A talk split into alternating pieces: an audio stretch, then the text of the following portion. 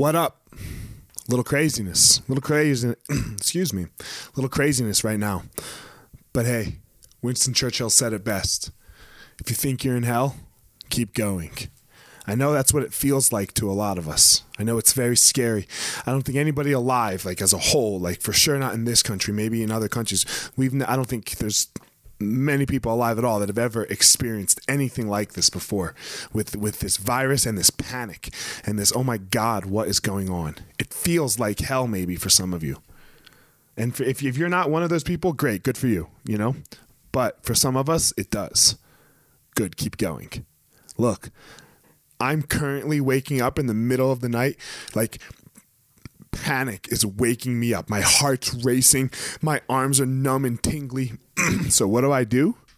I get up. The other night I had to get up. It's 3:45 in the morning. I get up. I walk in this office. I turn the lights on and I just walk. I just walk. I do push-ups. I do sit-ups. I do squats just to get the energy out. When it passed, went back to bed. Got up and then I have two choices to make. I, I have a couple choices.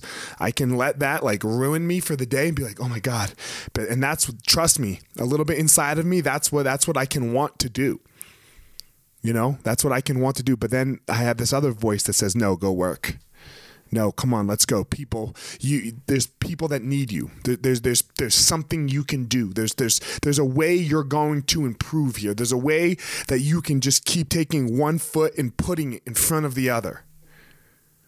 And then sure, I'm sure I'm scared to wake up like that again. But I don't know if any of you, if any of you have ever felt that. It's it's fucking scary.